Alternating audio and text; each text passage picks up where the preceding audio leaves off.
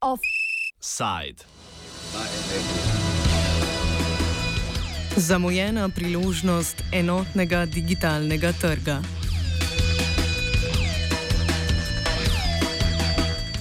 Direktiva o avtorskih pravicah in enotnem digitalnem trgu, ki jo je decembra lansko leto predlagala Evropska komisija, je trenutno na obravnavi na posameznih odborih Evropskega parlamenta.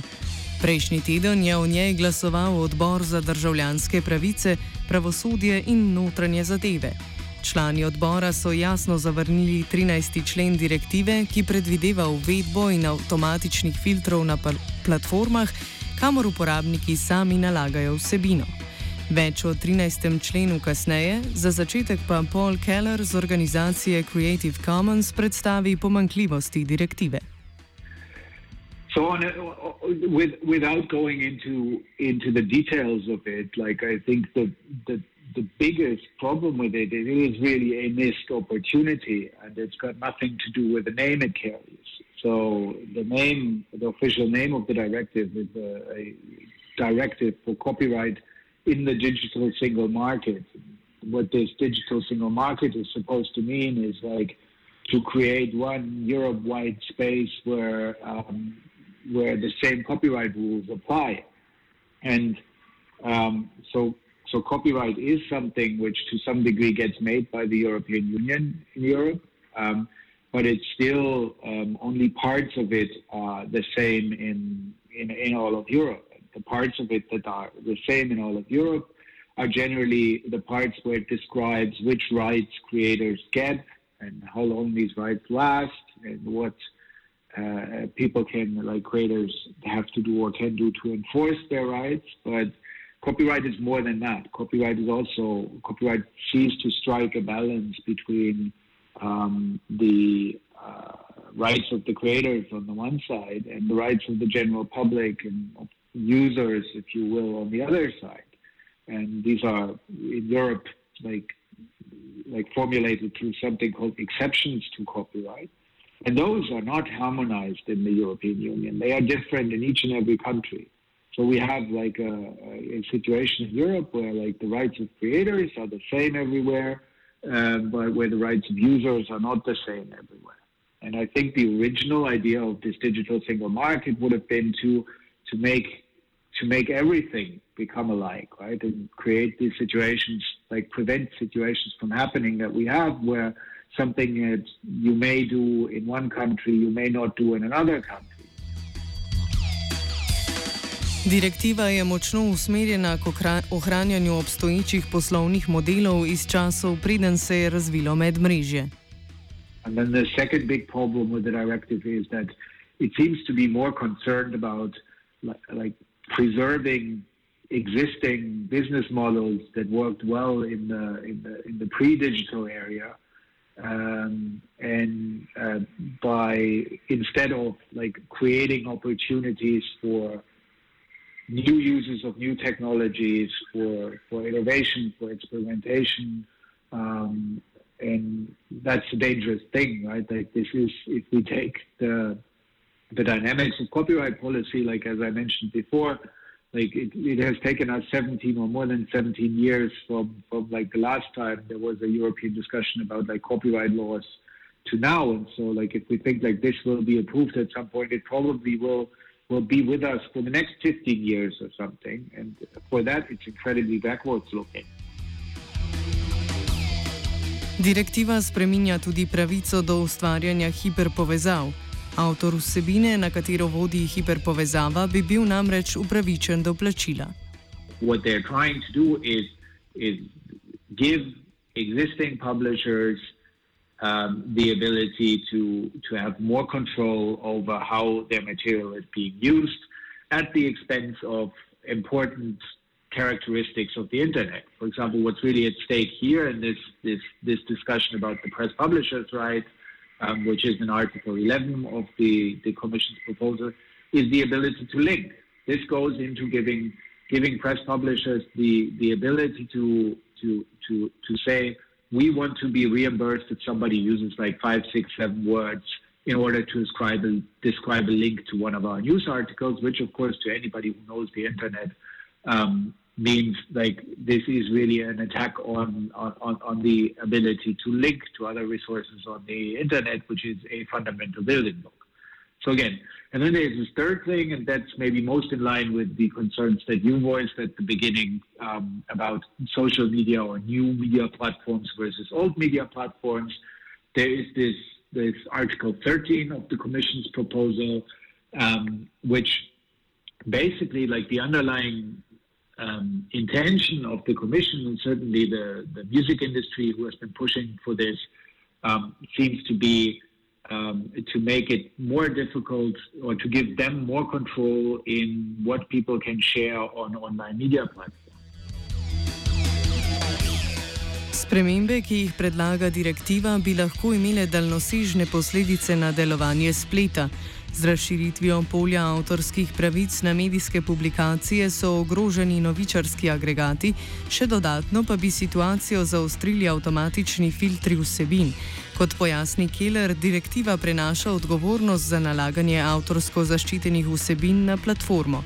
Do sedaj je veljalo, da so imetniki avtorskih pravic sami morali iskati in zahtevati odstranitev vsebin, ki so kršile njihove pravice.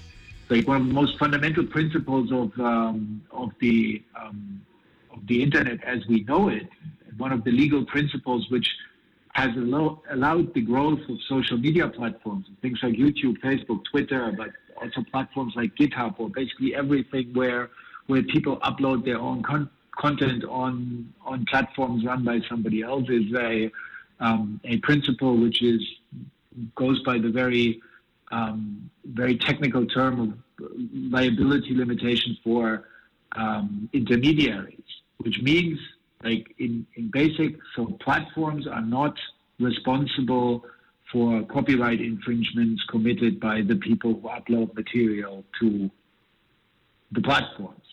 If they were liable for this, um, they couldn't allow anybody to freely upload materials. So what the, the current law does is says like so basically, like it, has this kind of like presumption of innocence. Like these platforms can assume that everything the users upload is legal until somebody tells them it's not, and then you, then they have to take it down. And so what the commission is trying to turn this principle on its head. It basically says, let's assume everything is illegal. Um, let's give the rights holders to filter out everything they want to have filtered out. And if users feel that this is not right, they can complain afterwards. Katere so torej najbolj aktivne organizacije, ki so se zauzemale za spremembe zakonodaje na področju avtorskega prava? Člen 13 je zlobirala glasbena industrija, pove Keller. Change like the liability constructions, which I talked about, comes from the music industry. So they've been very successful in their lobby by first putting on a term, which is the term value gap, where they say like there is a big value gap in the music um, value chain and what they say like basically the platforms earn a lot of money and we get too little of it. And they call this the value gap. It's not something that they have managed to empirically like demonstrate that it really exists um, but they've been very very successful in getting this term into everybody's mind.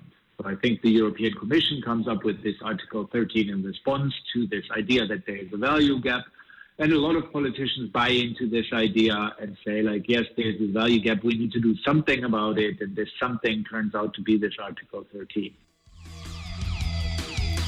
Poleg glasbene industrije so bile v pripravo direktive vključeni tudi založniki iz drugih področji.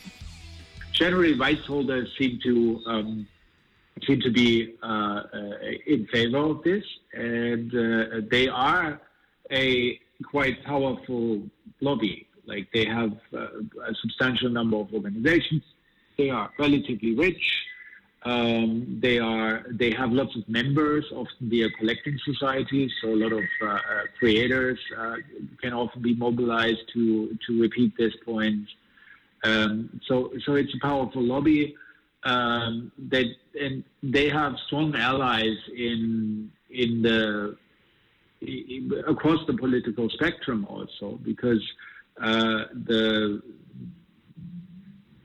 I think for, for a lot of politicians, like the idea of supporting creators and the creative sector and the European creative uh, uh, industry is, is is something that is a very attractive proposition, right? Like so, and I think the question is that that we need to raise, those of us who are opposed to this, is are they really doing this? Are these really measures which will support Europe's creative sector, which will give creators more abilities to, to create, which will allow them to, to earn a better living, um, which uh, uh, enable them to uh, uh explore their creativity? And to all of these questions, uh, uh, from our perspective, that certainly looks like that is not the case because it it mainly tries to um, re-establish the, the, the control of intermediaries over how culture is circulated.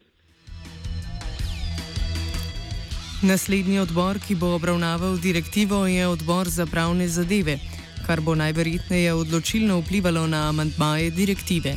Kaj se še lahko spremeni do začetka leta 2018, ko bo o direktivi na plenarnem zasedanju glasoval Evropski parlament, komentira Keller. That's difficult to say. Like so, so uh, in principle, everything can change. Um, it's unlikely that there will be substantial changes to it in the sense that entire parts get taken out of the directive or new parts get added to the directive. That's um, so. So I think it is really about rather about making like taking away harmful parts of a proposal and making them less harmful. Um, what's certainly not possible at this stage anymore is coming up with something which would would be a real copyright reform that would get us closer to a digital single market. Um, as this should have been. But like you can't start from scratch at this stage. Offside je pripravil noveli.